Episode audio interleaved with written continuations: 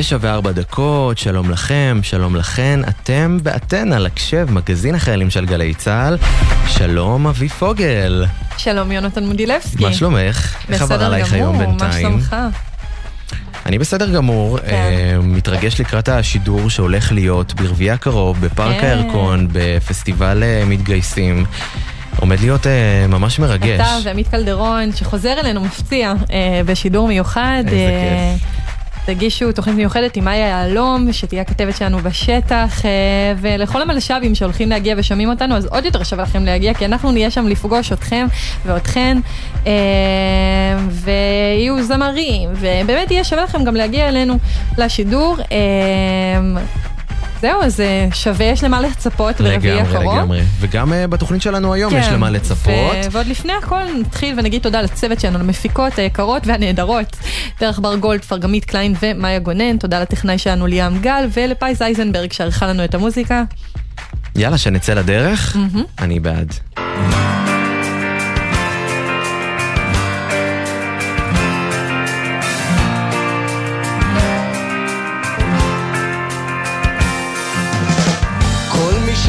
שאיבד קורת גג, כל מי שברח מהבית, כל מי שזקוק לאשפוז, כל מי שלא אכלה כבר יומיים, כל מי ששבר שמירה אחרי עשר שעות על הרגליים, כל מי שנתקף באיזה תא, כל מי שנתנו לו חודשיים, עזרה בדרך, עזרה בדרך שלך, עזרה בדרך.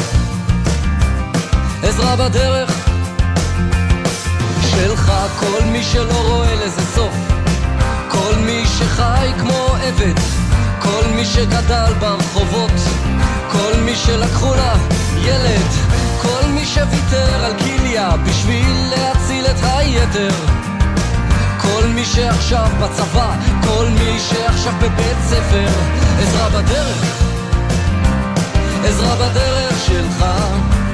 עזרה בדרך, עזרה בדרך שלך.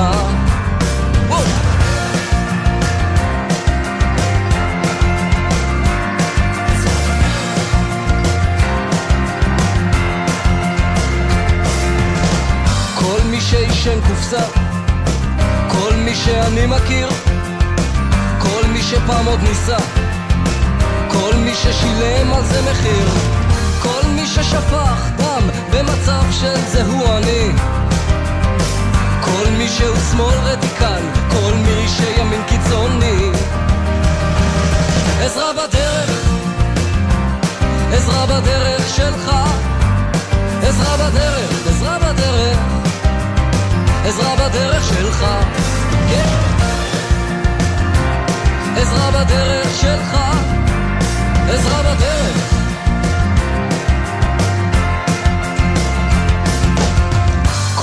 שאיבד את הכל, כל מי ששכח את הדרך, כל מי שבשוק האפור, כל מי שהיה פעם מלך, כל מי שנקרע מבפנים ובכל זאת בוגד בכל ערך, כל מי שזורק את החיים שהוא קיבל במתנה כל ערב.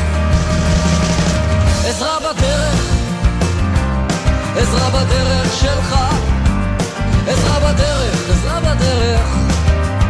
עזרה בדרך שלך, עזרה בדרך, עזרה בדרך שלך, עזרה בדרך, עזרה בדרך.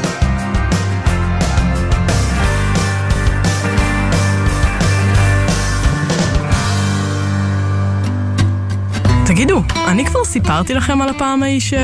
המשפחות שלהם שמעו כבר אלף פעם. עכשיו תורכם. טוב, אנחנו בפינת המורק, ומצטרף אלינו על הקו כתבנו לענייני דתות, יואלי ברים. שלום יואלי. שלום אביב, שלום יונתן. היום פרסמת פה בבוקר טוב ישראל, בתוכנית הבוקר שלנו, על זה שבצה"ל בוחנים סגירה של שתי פלוגות חרדיות שלא עומדות ביעדי הגיוס שהוצבו להן. מה אתה יכול כן. לספר לנו על זה?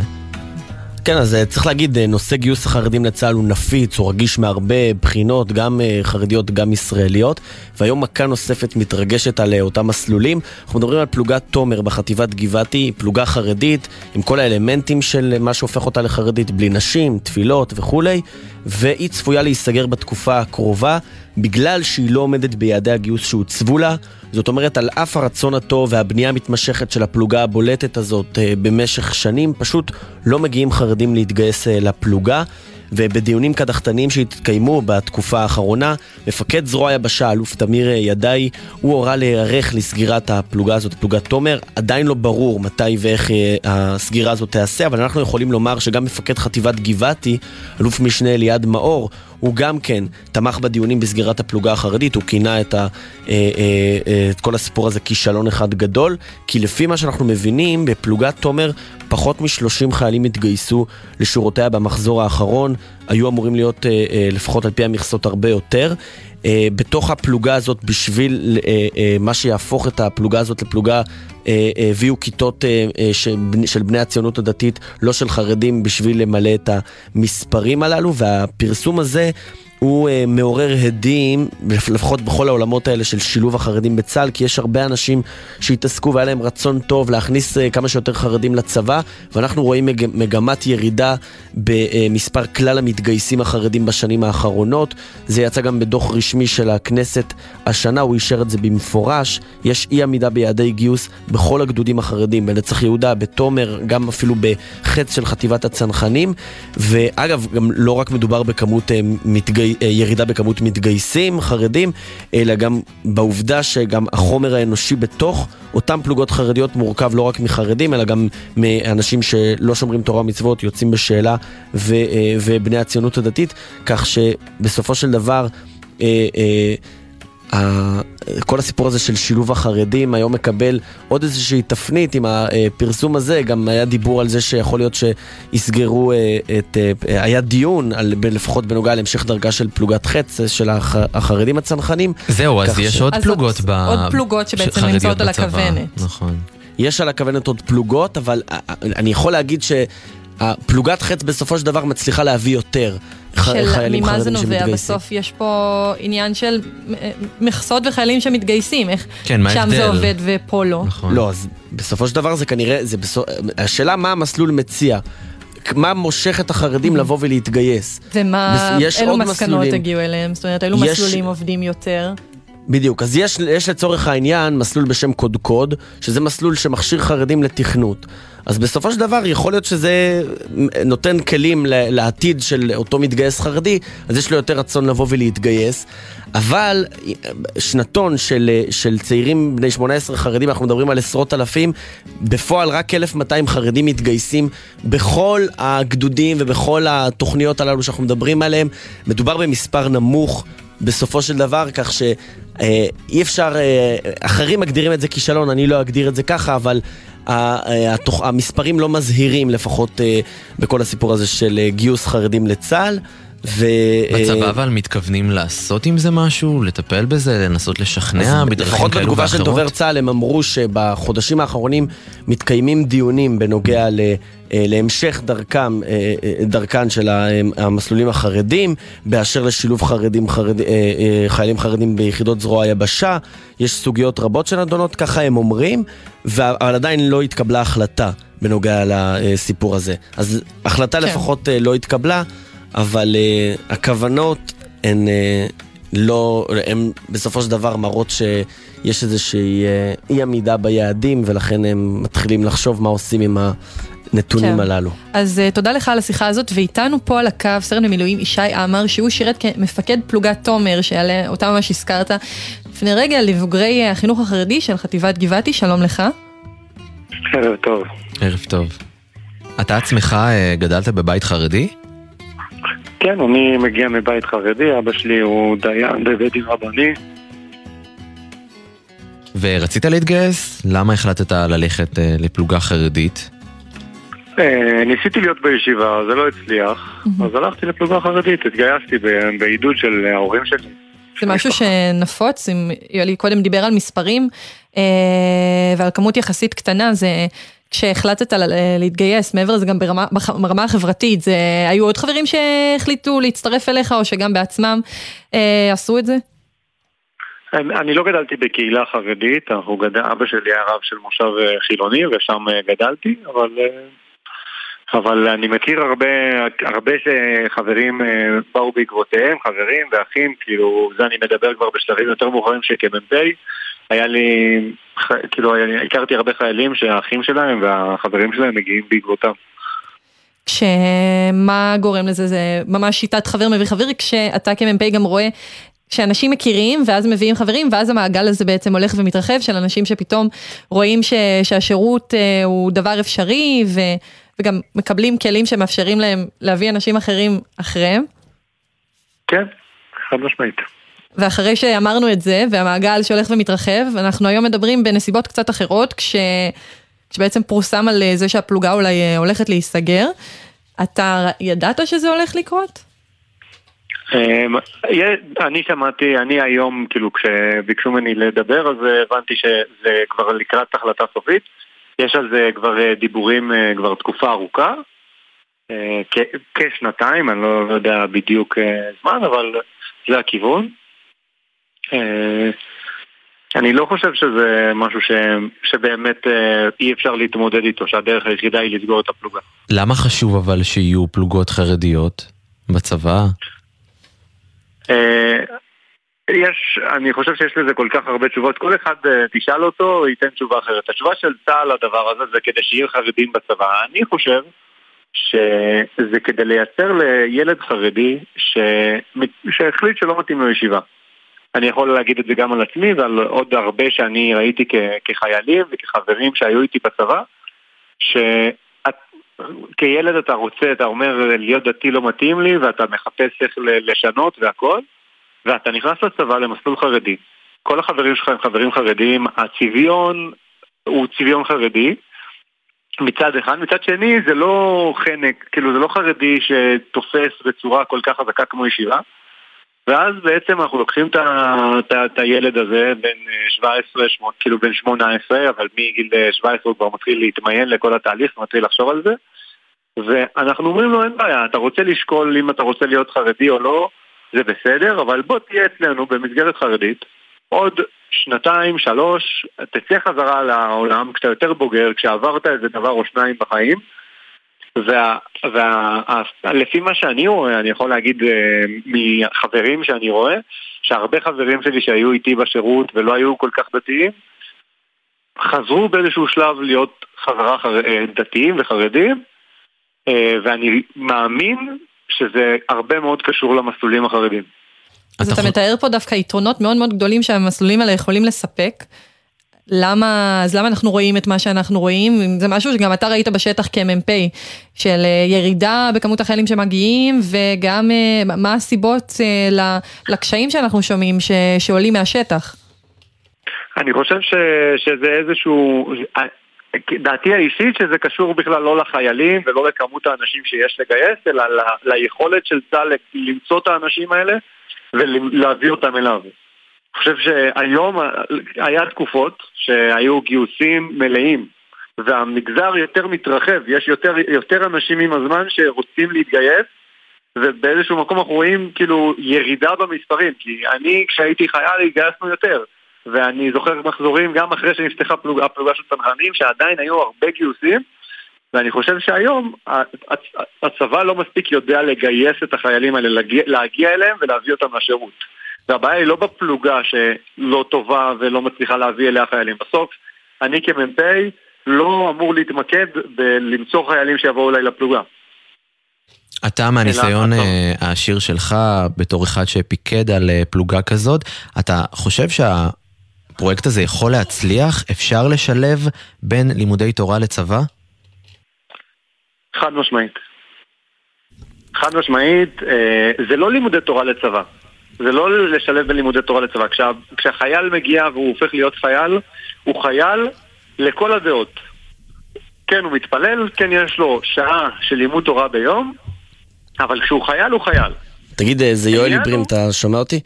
השאלה עד כמה בתוך אותם הפלוגות באמת אה, אה, יש הקפדה על שמירת תורה ומצוות, כי יש הרבה עדויות על זה שיש הרבה מהחיילים שהם בכלל לא רוצים לנהל אורח חיים אה, חרדי, והם נאלצים בגלל עברם להיות באותן יחידות חרדיות. אז דבר ראשון, אני אגיד שתי דברים.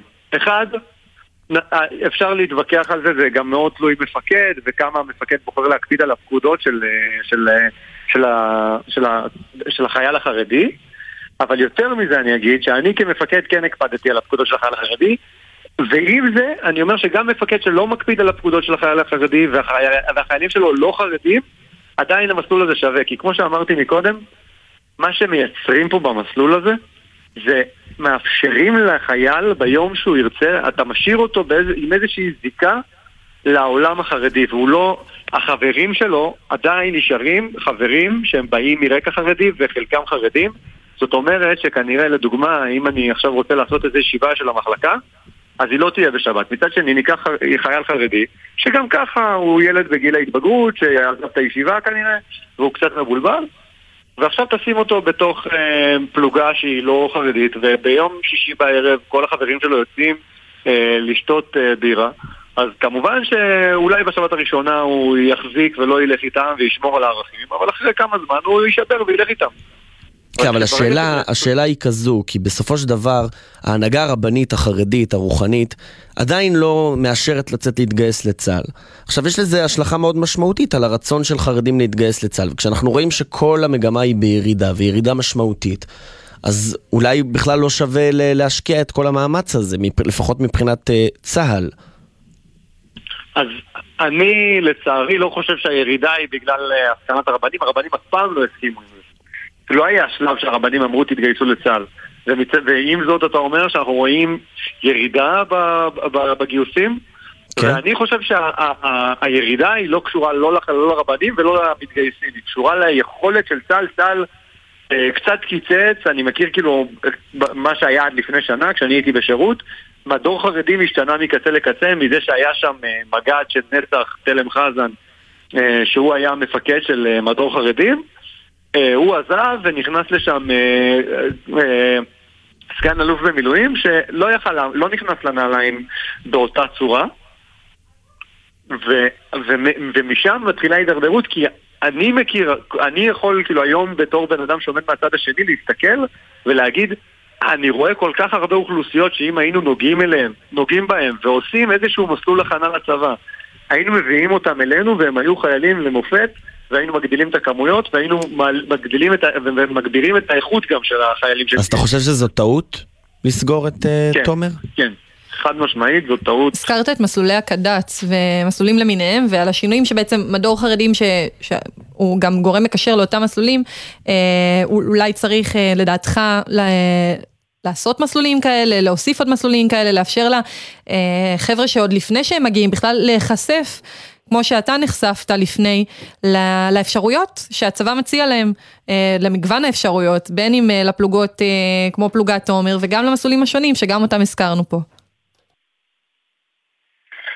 כן, חד משמעית. זה לא רק, ב, זה לא רק ב, במסלולים של, קדם, של מכינות קדם צבאיות או דברים כאלה, יש באמת נערים חרדים שיושבים בבית או לא משנה איפה, וברגע שיבוא מישהו שבאמת יעשה עבודה מעמיקה ויחפש אותם כמו שצריך, ויבוא אליהם ויגיד להם, בואו, יש צבא, לא, בלי הכנה, בלי כלום, רק תבואו. הם יבואו. פשוט צריך את הבן אדם הזה שיגיע לקצה וימשוך אותם. כי לעשות את הצעד הזה לבד זה קשה. ישי, אתה, שאלה לסיום. אתה צופה שנראה אולי מתישהו עלייה בכמות החיילים החרדים אה, בצבא, או שזה רק ילך וידרדר?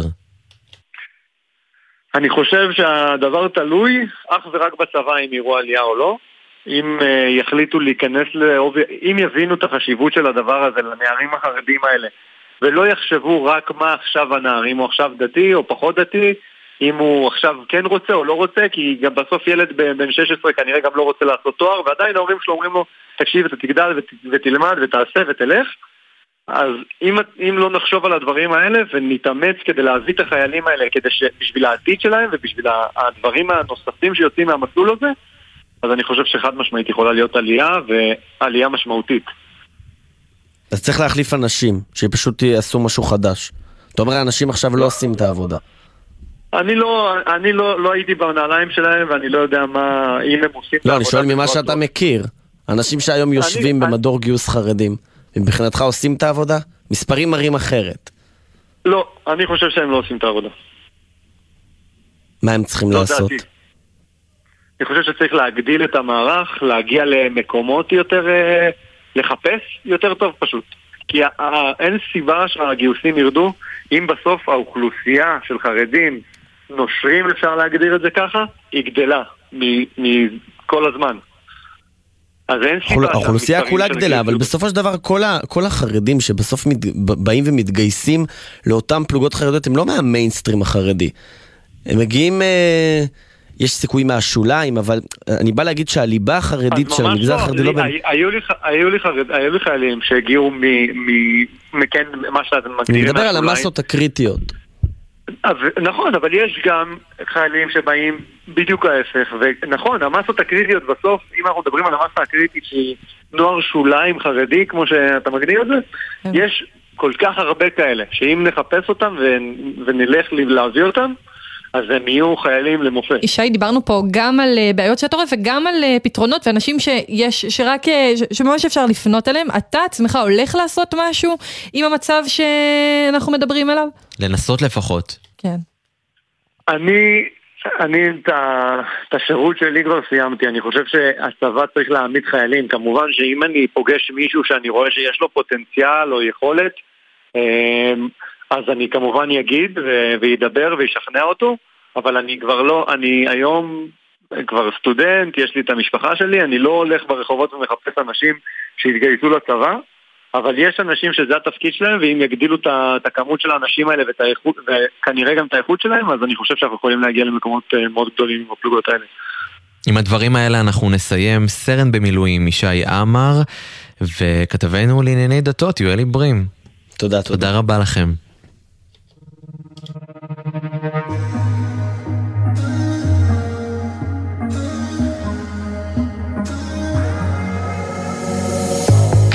כמה פעמים כתבתי ומחקתי שעות שורף עלייך ימים, שורף עלייך לילות. נזכר איך שהייתי בא ומעביר לך שמירות. אני מסבך אותך ואת היית עושה לי צרות. והיום שום דבר, הכל נגמר, את לא עונה לי. אם היית רק יכול לדבר איתך, לשתף אותך, להסביר. איך רציתי אז פסק זמן, או שאתה איתי או מכאן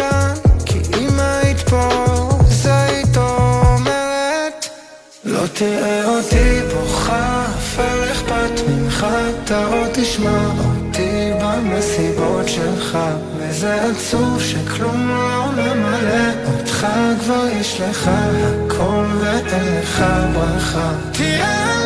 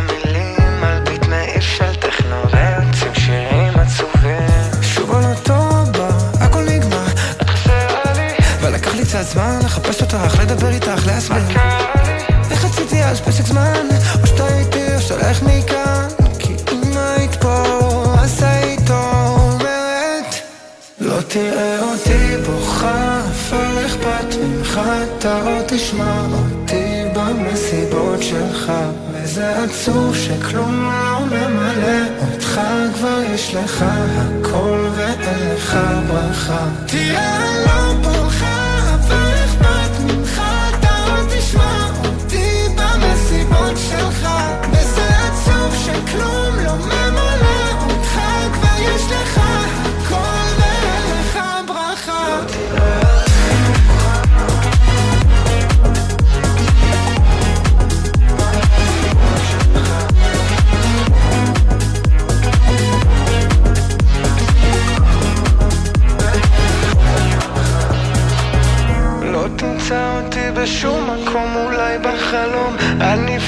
פנטזיה של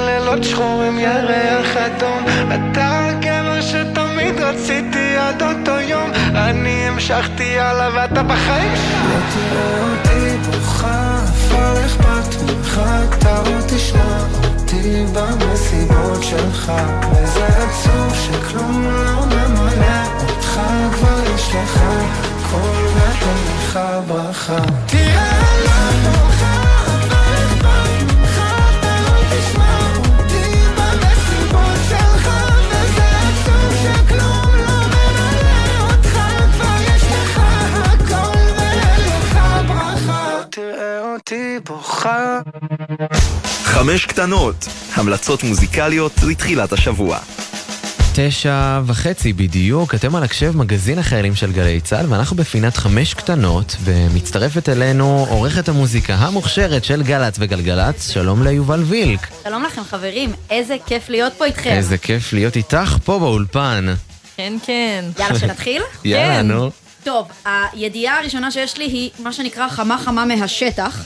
הבלק קיז, להקת הבלוז הרוק האמריקאית, מופיעים ממש ברגעים אלו מול קהל ענק ב live park ראשון לציון, ממש ממש עכשיו. אז כל מי. שמאזין לנו כנראה לא שם כרגע, ואנחנו, כן. אנחנו נקנא ביחד כן, בכל נכון, אנחנו האלה ביחד, שהצליחו לא לקנות שם, כרטיס. כן. מדובר באמת בלהקת אה, רוק בין הגדולות ביותר שיש לנו בעשור האחרון, מדובר בהופעה ראשונה של הצמד הזה בארץ, יש להם לא מעט להיטים מאחוריהם, קהל ממש ממש הדוק, ועל הבמה, יחד איתם, יש גם את האורחים נינט טייב, בומפם, והדי-ג'יי לילי הז, שהיא לגמרי מטורפת.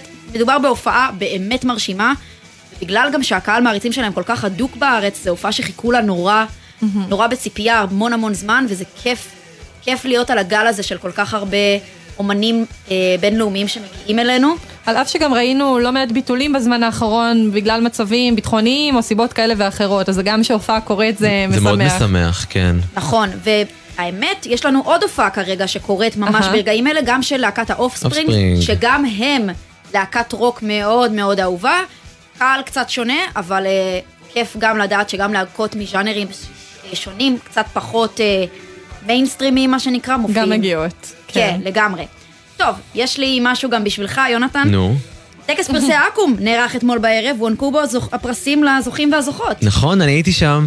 הייתי שם, והיה דווקא, הייתי קצת סקפטי, אבל היה ממש מעניין, והיו אחלה של ביצועים על הבמה, והפתעות.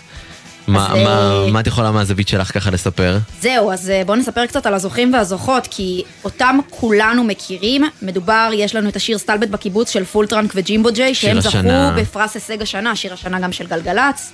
יש לנו גם את אנה זק, עם אה, השיר המושמע ביותר לשנת 2022, לך לישון. אודיה, שזכתה בפרס תגלית השנה. רמי קליינשטיין בפרס מפעל החיים, שאותו אגב העניקה לו ריטה, ריטה, בדמעות נכון. על הבמה. רגע, אבל איך אודיה תגלית השנה? היא הרי זמרת כבר כמה שנים טובות, זה קצת... אה, כאילו, תגלית השנה זה בדרך כלל משהו שזה כזה זמרת שפרצה השנה, שהיא עשתה משהו יוצא דופן. אני חושבת שמה שאתה מדבר עליו אה, הוא אמנם נכון, אבל אני חושבת שאודיה בעצם גדלה בעוד איזשהו, איזשהו מין מעגל שהיא פרצה אותו מהמם. החוצה. זאת אומרת, היא שברה איזו תקרה בשנה האחרונה, והיא באמת נתנה דריסת רגל מאוד משמעותית בתעשיית המוזיקה הישראלית, גם ככותבת וגם כמלחינה, אה, ולכן השנה הזו דווקא היא מאוד מיוחדת עבורה, לדעתי לפחות. לכן היא אה, תגלית השנה. אבי אבורומי גם, הוא זכה למלחין השנה, וגם הוא מדובר בשנה מוצלחת ביותר בשבילו. כן, זה כולנו יכולים גם להסכים. יופיע פסטיבל מתגייסים. בפסטיבל מתגייסים. פאר טסי, לא אחר מאשר פאר טסי, כתב את, כתב את פרס אלבום השנה לרדיו שטח, שהוא אכן אחד האלבומים הכי גדולים שנראו פה בזמן האחרון. והוא שר שם על הבמה את 38, ואהבה חולה מהאלבום, והיה ממש אה, מרגש ויפה. זכו עוד המון מוזיקאים מוכשרים, באמת היה טקס מאוד יפה ומאוד מרגש. עוד משהו קשור כבר לפסטיבל מתגייסים, יש לנו שני אלבומים חדשים וממש מעניינים שיצאו בשבועיים האחרונים, שממש שווה לשמוע. הראשון, שלא אחרת מאגם בוחבוט. הופה, שתתארח אצלנו, אצלך נכון, ליתר דיוק, כיף. אצל עמית קלדרון, וואו. באולפן, בפינת קריוקי מיוחדת, אני כבר אעשה פה איזה אל ספוילר. תגלי יותר מדי, אבל... כן, אבל בוא נגיד, וזה חשוב, שאם כן. יש מלש"בים שהולכים להגיע, אנחנו מחפשים אתכם לשיר בפינת קריוקי עם אגם או סטטיק אפילו, נגיד, באולפן. אז למי שמאזין לנו, זה ממש ממש יכול להיות מגניב, אם תגיעו ותעשו את זה. תגיעו לאולפן השקוף שלנו את שם, מגיעה, יובל? את נכנסת? אנחנו... אני מזהירה אתכם, היא מלכת הקריוקי. באמת? מלכת הקריוקי. טוב, זה יהיה- קשה. קריוקי שלה, טוב, בשלב זה טבעי. עד אז אתם יכולים ליהנות מהאלבום החדש שלה שנקרא סולד אאוט בלב, מדובר ב-EP קיצי ומעולה, אלבום שמכוון לקיץ, לחברים, כל שיר שם מתאים או לנסיעה באוטו או למסיבה, אני בטוחה שעד סוף החופש הגדול כולם כבר יכירו את כל השירים באלבום הזה. וממש משהו אחד אחרון, אלטון ג'ון יורד מהבמות אחרי קריירה מפוארת של 50 שנה. וואו. אלטון ג'ון סיים, זהו, בשוודיה הופיע את ההופעה האחרונה. שלו אי פעם ונפרד מהקהל, ושבר שיא לא קטן על הדרך, שמדובר בסיבוב ההופעות הרווחי ביותר בעולם כרגע. חמש וואו. שנים זה לקח לו ל- נכון. לסיים את הסיבוב ההופעות הזה. 330 הופעות. זה נחשב? וואו, זה הוא- איך- המון. איך מגדירים את זה? זאת אומרת, הוא במשך חמש שנים היה בסיבוב הופעות. סיבוב הופעות אחד מתמשך, מדובר באחד המוזיקאים הגדולים ביותר בדורנו. והוא ידע שזה אחרון, אז הוא לא סיים אותו, הוא המשיך... אה, מרח את הסוף כמה שהוא יפה, יכל. יפה. אבל זהו. תודה רבה לכם חברים. תודה לך, יובל וילק, שהיית איתנו, ואנחנו עכשיו נסיים עם שיר קצר, ומיד אחר כך נעבור... אמנם אנחנו לא בהופעה של אה, הבלק כן. קיז, אבל אה, אנחנו ככה מקנאים מרחוק ונשמע שיר שלהם.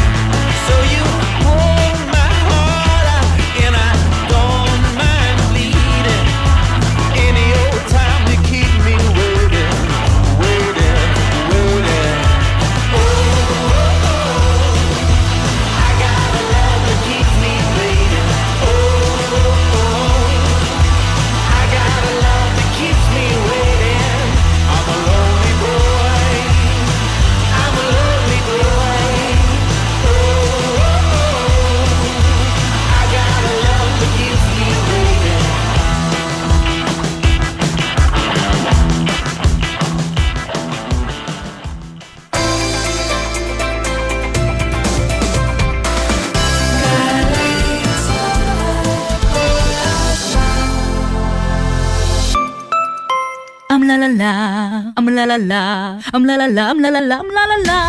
גורמים חיצוניים שרוצים לשים יד על הפיקדון האישי שלכם, יעשו הכל כדי שהמילה עמלה תישמע יפה. משוחררות, משוחררים, היו חכמים. אל תיתנו לגורמים חיצוניים פרטים אישיים שיאפשרו להם לעשות פעולות בשמכם. זה עלול לעלות לכם ביוקר. כספי הפיקדון האישי הם שלכם ובשבילכם. ממשו אותם בקלות ובנוחות, רק באתר האגף והקרן לחיילים משוחררים. המקפצה עכשיו בגלי צה"ל, אביב פוגל ויונתן מודילסקי עם הקשב.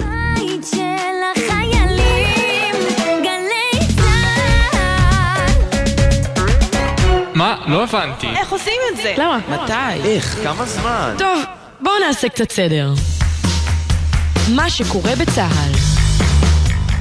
אז אנחנו בפינה חדשה שהתחילה יחסית לאחרונה, שבכל פעם אנחנו מעלים גורם אחר מצה"ל, מתפקיד אחר, אה, פוזיציה מעניינת, ואנחנו מדברים איתו על התפקיד שלו, ובעצם על איך זה נוגע לחיילים, איך זה משפיע, והרבה פעמים לחיילים יש שאלות, ואנחנו פה באנו לענות עליהם, ואיתנו היום כדי לדבר על אה, שילוב לוחמות, ועוד יותר מזה, תהיה איתנו סא"ל נטע בנימיני, ראש תחום מפקדות בחיל האוויר, שלום לך. אהלן. אז אה, קודם כל נראה לי נתחיל בהגדרה, מה זה בכלל אומר ראש תחום מפקדות בחיל האוויר? מה- איזה תחום, על מה הוא חולש? מהם תחומי האחריות שלך? אוקיי, אז קודם כל זה, זה תחום חדש שהוקם לפני שנה וקצת, אה, מתוך אה, שאיפה לגרום לזה שיהיו יותר מפקדות שיישארו ב- בחיל האוויר. המטרה והייעוד של התחום הזה זה פשוט למצות את ההון האנושי שנמצא בתוך חיל האוויר, אם זה הפוטנציאל המפקדות העתידיות והמשרתות בחיל, על ידי זה שאנחנו מרחיבים את השוויון הזדמנויות בחיל. אנחנו רוצים לראות כן. יותר מפקדות במערכים שונים, בתפקידים בכירים יותר.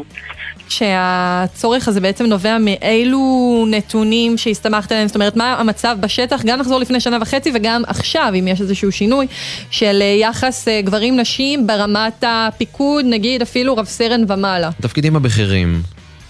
בתפקידים הבכירים, אז uh, לצערי המצב לא כזה מזהיר, וזו באמת הסיבה שחיל האוויר התעשת ואמר, אוקיי, אנחנו צריכים כנראה לעסוק בזה בצורה, uh, עם, עם התחייבות לתהליך הזה. לא סתם uh, לנופף באמירות, אלא לעשות פעולות באמת אקטיביות כדי שזה ישתנה.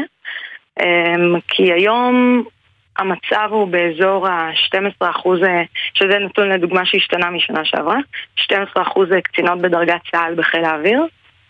זה אה, היום. שאנחנו רוצים הרבה יותר. זה היום, זה מעט, נתון שעלה. מעט מאוד.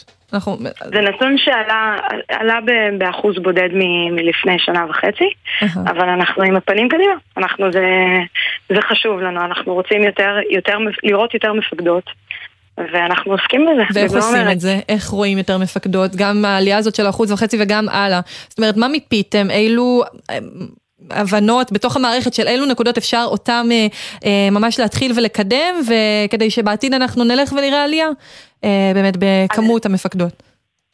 אז התחום באמת עוסק על מגוון רחב של נושאים, מלפתוח תפקידים שהיו חסומים בעבר לנשים, לדוגמת 669 שבכותרות, ועד אה, לקבוע יעדים למיצוי לקצונה, יעדים אה, אה, לאיוש אה, בתפקידים אה, בכירים, אה, להקים תשתיות אה, מגדריות שמתאימות אה, לנשים בכל קצוות החיל, כי היום, בשונה מבעבר, יש יותר ויותר, אה, סתם דוגמה, ניקח את המערך הטכני. יש יותר טכנאיות, אחוז הטכנאיות שמתגייסות לטייסות הוא גבוה יותר ממה שהיה בעבר. התשתיות לא בהכרח אה, מתאימות אה, לקצב של גידול אנשים לעומת ההשקעה בתשתיות. אמ, אז באמת כאילו זה נוגע בהמון המון תחומים וגם המון הסברות והדרכות למפקדים על מה זה, מה זה שוויון מגדרי ומה זה מודעות כדי שבסוף גם מי שנמצאת בבדידות מגדרית אה, באיזה יחידה אה, אה, בקצה, היא עדיין תרגיש בנוח ולא רק שהיא צריכה עם המרפקים ככה להתקדם כי הפורצת הדרך והראשונה. כמי שנמצאת בתפקיד בחיל האוויר, איך הוא שונה ומה מייחד אותו לעומת החילות האחרים בתחום הספציפי הזה של שילוב מפקדות, באופן שבו הוא בנוי ואיך איך זה גם משפיע על, ה, על מה שתיארת, על השילוב ועל התהליך שאת עכשיו מובילה בחיל. אז אנחנו נמצאים בתקופה טובה, ש... שצה"ל צה"ל בגדול מבין שאנחנו אה, רוצים לעשות טוב לצה"ל בזה שנגוון מגדרית את, אה, את אה, שורות הצבא ואנחנו מבינים שהיתרונות שגלומים בזה שנמצה את כל מי שנכנס בשערי צה"ל, גם נשים וגם גברים, זה יעשה טוב לצה"ל. אז המון זרועות וחילות עוסקים בזה. חיל האוויר הוא החיל הראשון שאמר, אני שם אה, קצינה, במקרה הזה זה אני, במשרה מלאה בתפקיד מספיק בכיר שתתעסק רק בזה במשרה מלאה. לא נוסף על תפקיד אחר, אלא זה התפקיד שלי. יש תוכנית עבודה אה, שעוסקת רק בתחום הזה, הערכות מצב שמהם גוזרים מדיניות ו- ועוסקים רק בזה על כלל התחומים שמניתי קודם. המלחמה אז הזאת... בזה חיל האוויר קצת. ייחודי. כן, המלחמה הזאת בלהשיג שוויון לא זרה לך. את פרצת לא מעט אה, זכוכיות בשירות שלך, עד שהגעת לאיפה שאת אה, היום. מאיפה המוטיבציה להילחם כל כך, לפרוץ דלתות, מחסומים? אמ, אני, אני קצת אדייק את זה ואני אגיד, זה, לא בהכרח להילחם, זה לא איזה שיש כאן איזה מלחמה נגד משהו. זה העניין של שוויון מגדרי זה לפעמים אנחנו אמ, מונעים לא בכוונה רעה מסוימת, וזה לא איזה מלחמת כוחות בין אה, נשים לגברים. יש המון תפיסות שכולנו גדלנו עליהן, שאנחנו מנסים לסדר אותן. אם בעבר כאילו היו אה, מספר מאוד מועט של אה, לוחמות לדוגמה, אז היום יש הרבה יותר, כי זה הרבה יותר שכיח שזה בסדר שנשים אה, יהיו גם במקצועות שהם יותר אה, קרביים. מה שבעבר היה פחות נהוג. ואנחנו רואים את זה בעוד אה, היבטים של, ה- של החברה שלנו, לא רק בתוך אה, אה, תחומי צה"ל. דיברנו אמ, על בדידות אני- מגדרית, כמי שפיקדה גם על סוללה ו- ועשתה תפקידים שונים, לפעמים כ- כאישה היחידה הראשונה בתפקיד הזה. מהחוויה שלך היום, כמי שמנהלת את תחום המפקדות, ובטח חווה לא מעט שאלות של חיילות שהן באות אלייך עם התמודדויות דומות, מה את אומרת להן כשהן באות אלייך על אותה בדידות או אה, קושי, ואיך איך בכלל אה, מתחילים כאישה ראשונה ועונים על שאלות? אז אה, קודם כל, בגלל שחוויתי את החוויה הזאת, אז אני מאוד מזדהה עם התחושה, ואני נותנת לה מקום. זאת אומרת, אני אומרת, אוקיי, זה, זה נורמלי, זה הגיוני שזאת התחושה שלך, ובוא נראה איך אנחנו עושים את זה, ש... כדי שיהיה לך פחות קושי אה, במעלה הדרך. ש, שתחווי פחות את מה שאני חוויתי. למה? כי הנה, אצלי זה, זה עבד ונפרצה עוד תקרת זכוכית, ובמערך הזה זה גם עבד, וגם שם יש כבר מפקדת בחירה. ו, וככה בנות כאילו מצליחות להתמודד עם האתגר הזה ועם החסם הזה ביותר, ב, ביתר קלות, כי הן מבינות שהן לא לבד. אלא באמת יש להם עוד הרבה, הרבה נשים סביבם ש, שבתהליך הזה. כן, אנחנו מדברים איתך כראש תחום מפקדות, אבל uh, הזכרת גם עוד קודם על השילוב של לוחמות ביחידה 669 של חיל האוויר, uh, כפרויקט שגם עליו את, uh, בו את לוקחת חלק. Uh, למה החליטו לעשות אותו עכשיו? מה הוביל לשינוי הזה? ברקע יש את הבג"ץ סיירות, שבו באמת אה, אנחנו נדרשים באמת לעסוק בשאלה של הוגנות וצדק. אבל אני לא רוצה להיכנס לזה, כי זה משהו שעדיין רץ. אבל אנחנו מבינים שגם אה, לפתוח יחידות אה, מיוחדות ש, שבעבר תפיסתית אמרנו רגע שנייה, אולי זה לא המקום לנשים, היום אנחנו מבינים שיש הרבה יתרונות שגלומים בלשלב נשים בצוותים. הטרוגניות של צוות מביא הרבה יצירתיות, הרבה זוויות הסתכלות שלא בהכרח אה, מקבלים אותם שהצוות מאוד הומו, הומוגני ואחיד. אה, וזה, וזה גם היתרונות שאנחנו נכניס לכל יחידה שנפתח אה, לנשים בצה"ל. כן. בחיל האוויר ספציפית, את- או בתור מי שנמצאת שם, את מרגישה שלפעמים כשאת באה עם אה, רעיונות ושילובים, אז יש חסמים מחשבתי, מחשבתיים של איך משלבים בכלל, כי זה משהו שהוא הרבה פעמים לא היה קיים לפני, אז איך, בין עם הכשרה ובין עם אפילו מגורים, לוגיסטיקה של איך עושים את הדבר הזה. יש המון חסמים, בסדר? העולם הזה הוא לא, הוא לא ורוד. אמ, אבל אנחנו, אנחנו מבינים שוב, זה, לא- זה לא מאיזושהי כוונה רעה, זה הרבה, הרבה פעמים חסם מחשבתי כמו שהתייחסת, ואנחנו עם המון הסברה שלצד אותם הגדרות שונות, אה, אה, מנגנון אחר, אה, תוכנית עבודה ש, שפותרת נוהל כזה או אחר, אז אנחנו מסבירים ומעלים את זה למודעות. כדי שזה יעבור יותר חלק, והמסר יהיה חד וברור מה בעצם הוביל אותנו לשינוי הזה. כמי שצמחה במערך, למה את חושבת חשוב לשלב אה, נשים בלוחמה, בתפקידים ככה בכירים יותר? אמ, יש, יש המון סיבות לעסוק ב- בשוויון אה, מגדרי. הראשונה זה אנחנו רוצים למקסם איכות אנושית. אם בחברה שלנו יש 50% נשים ו-50% גברים, וזה גם שנכ... מה שנכנס לנו ל... אה, ל- לחיל האוויר, ממש ב...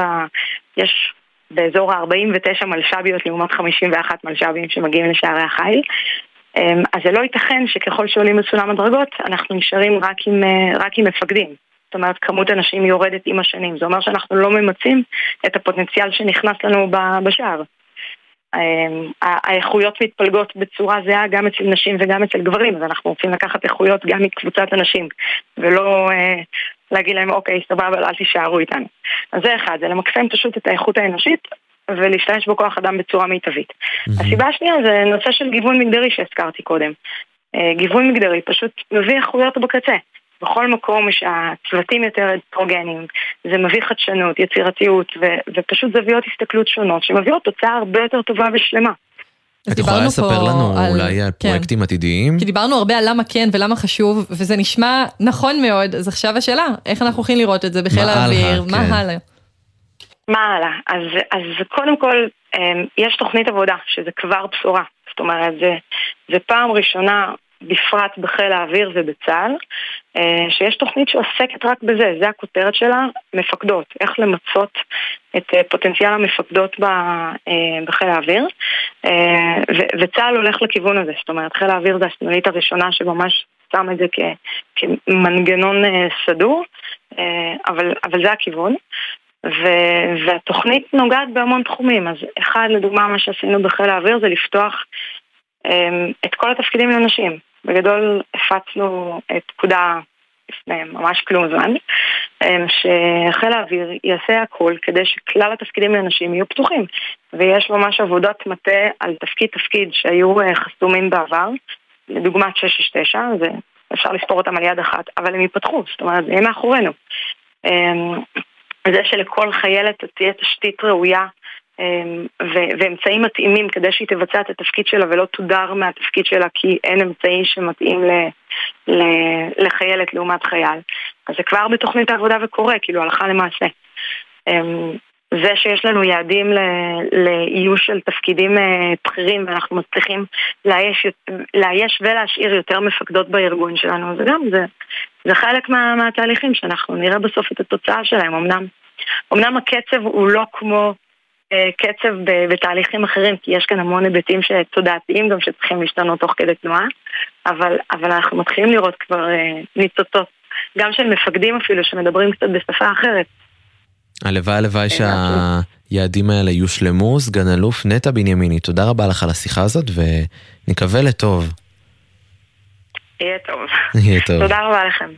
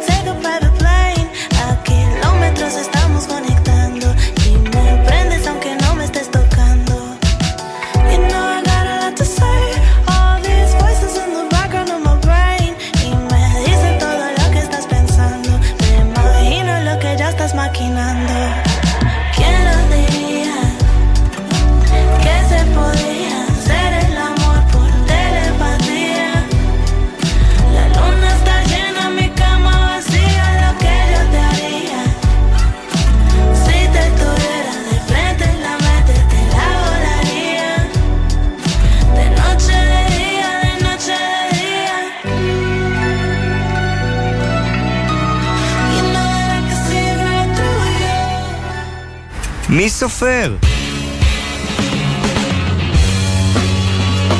תשע וחמישים ואחת דקות, אתם על הקשב, מגזין החיילים של גלי צה"ל. סופרים את הדקות לסוף השידור, וגם עם פינת מי סופר שלנו, שבה החיילים סופרים את הימים לשחרור, זה דומה? והיום אנחנו פינה מיוחדת. מדברים, כן לגמרי. חפ"ש עד החפשש. בואו תסבירו לנו את זה שניכם, סמל ראשון ירין יעקב מזרחי וסמל ראשון אלירן חי יפרח. מה זה אומר חפ"ש עד החפשש? יאללה אלירן, דבר, אני איתך. אז יאללה, אז אה, אלירן, דבר, תתחיל. חפ"ש זה אומר חייל פשוט שהוא לא מפקד, שהוא נשאר עד אה, סוף השחרור. כל. הדרך. וזה, למה ואתם אתה שניכם כזה? כאלה. למה שניכם כאלה? אה, אנחנו היינו באותה מחלקה. אני לא רציתי לצאת לפיקוד. לא רציתי לצאת לאיזשהו קורס הדרכה פיקודי. ואז זרקת חפ"ש. כאילו, ואז נשארת חפ"ש. נשארתי לה להישאר חפ"ש זה חפ"ש. אומר חייל ללא, תפקיד, כאילו זה אומר לא להיות מ"ק, סמל. רגע, אלירן, אתה יכול לדבר על זה אה, שהמחזור שלכם נחשב מקולל? זה מה שאני שמעתי, מה זה אומר? וואלה, מה הולך המחזור שם? שלנו בלאגני. כן, למה, מה? התחיל כשהיינו בטירונות, היה שומר חומות. נו. אחרי זה, במקום אימון, פשוט היה לנו קווי תפר בחומש, קדומים, מצפה ישי. היה לנו מלא קווים במקום אימונים. אז אה, זה כל המחזור המקולל. אז עד היום אתם במקום, מחשיבים את ה... אה, בגלל הדברים האלה, אתם אומרים שהמחזור שלכם מקולל. לא, זה לא באמת, אתה יודע. ומתי נכון. אתם משתחררים? מתי אתם, אה, בחפ- עד מתי החפשש? עד החופש האמיתי. אנחנו עוד יומיים גוזרים את החוגר. וואו. ומה קורה אחרי זה, ירין? יום אחרי, מה זה ביום הגזירה? אתה, אחרי הגזירה, מה אתה עושה? אני בחו"ל? בעזרת השם. לחו"ל? כבר, באותו כן. יום? גיחות לאירופה. אה. משהו ארוך כזה או משהו בקטנה? קפיצה? לא, לא, לא, אנחנו אני טס יום גיחות, חמישי הבא. אלירן, לאן אתה טס ביום חמישי הבא? אני טס יום חמישי הבא לבוקרשט. וואו, יפה, יפה. רגע, אבל אתם חברים טובים, למה שלא תטוסו ביחד? וואלה, אלירן הציע לי לטוס איתו לבוקרשט. נו, אז מה קרה? למה? לא, אנחנו אנחנו סוגרים אה, תאילנד, אחי. אה, אז אה, אתם הולכים על היותר שווה ביחד, לאט לאט, זה נבנה. אנחנו קופצים כל הראש לבריכה, מה שנאמר. אה, ספרו לנו קצת כן. אה, איך הכרתם קודם כל. מה היה הרגע הראשוני הזה בטירונות. שיצר את החברות? הכרנו ביום הראשון של הטירונות. ואתם ביחד עד היום האחרון, ואולי מי יודע עד אפילו היום עד תאילנד, עד לחופים. ומעבר. כן, גם אחרי, גם אחרי. מה לא רק ביום הראשון, אתם החלפתם מבטים ועבר לכם בראש ההוא אני מגיע איתו עד תאילנד, או שזה היה דווקא דרך לא, אה, מעניינת? אני לא אהבתי את אלירן בהתחלה. היי. זה תמיד בוא מתחיל בוא ככה, ירין, נו. תפתח, ספר לנו. לא התחברתי לאלירן בהתחלה. למה הוא היה עושה בלאגנים קטנים כאלה, אה. וזה אני לא התחברתי. אז עצבן אותך. אתה אומר. כן. טוב, אבל בסוף התגברתם על זה, והיום אתם חברים טובים, וזה מה שחשוב. הכי טובים בעולם. ויש לכם איזה חוויה, דיברנו על להיות חפ"שים עד השחרור, יש בזה משהו שיכול להיות לפעמים אה, משחיר. איך, מה- איך עוברים את התקופות היותר קשות, הפחות קשות, בכיף או שלא? ו- והנה אתם כבר בישורת האחרונה. זה הכל בראש. בדרך כלל, נו, ירין? בדרך כלל אני אומר, אה, מקבלים איזשהו חיזוק קטן מהבית, חיזוק אה, טוב מהמפקד, אתה יודע, דברים שיותר אה, יגר- יגרמו לנו לכן לרצות וכן לעשות, אתה יודע, באהבה ובחיוך. אה, ויש המון אה, פעמים שאין את המילה הטובה הזאת וכל ה... טוב. ירין, בתור, ירין, בתור חפ"ש מקצוען, ספר לי על החוויה הכי שחורה שהייתה לך בצבא. חוויה הכי שחורה? כן, הכי שחור. שבוע מחלקת צפון בטירונות. מה, מה זה אומר? זה שבוע ב- בצפון, וכל המחלקה ללא טלפונים, ללא כלום. אה, הולכים כמה קילומטרים, המון קילומטרים ביחד, עושים תרגילים. אתה יודע, הכל בסבך, בשטח. אלירן, זה נכון או שהוא סתם בוכה? זה נכון, אפילו אני לא יכול להגיד לך במילים מה באמת נכון. אחרי שדיברנו על חוויה משחירה, נסיים את השיחה הזאת אלירן בחוויה הכי טובה שהייתה לך מהשירות, שירין היה חלק ממנה, נפנק אותו, נעשה משהו משותף. החוויה הכי טובה זה שקמתי יום אחד בבוקר, אני אומר למפקד שלי, תגיד איזה משימה אני עולה? הוא אומר לי, אלירן, לך תזקן את הציון, אתה מחופשש. אני עושה לו, נו, אל תסתלבט. הוא אומר לי, כן, אתה מחופשש. מה, וככה גיליתם? כן, אני השתחררתי, אני התחפששתי עשרה ימים לפני בגלל שהיה לי שבר ביד וזה. ולא טיפלו לי בזה כל כך, אז כבר. שחררו אותי. אני מקווה כן, שלפחות זה טופל אה, עד עכשיו. זה הדבר היחיד שמהצבא, כאילו... העיקר שאתם טסים לתאילנד, עזוב את היד השבורה. על זה אנחנו מסתכלים, על הדברים הטובים. כן.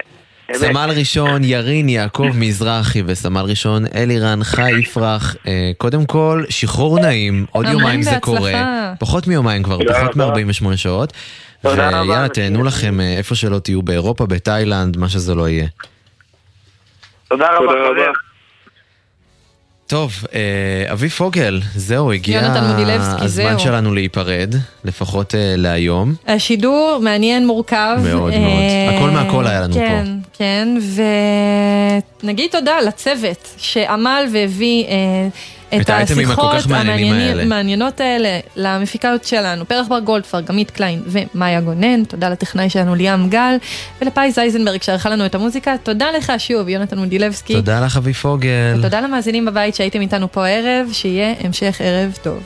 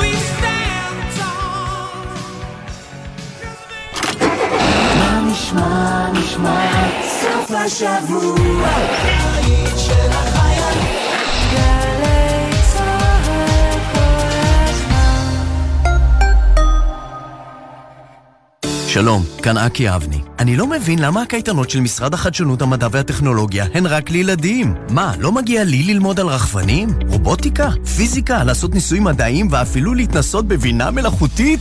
הקייטנות מיועדות למסיימי כיתות א' עד ח', והכל במחיר מסובסד, עד 100 שקלים בלבד. פרטים נוספים באתר משרד החדשנות, המדע והטכנולוגיה וברשות המקומית בעיר מגוריכם. מיד אחרי החדשות, ערן סבג.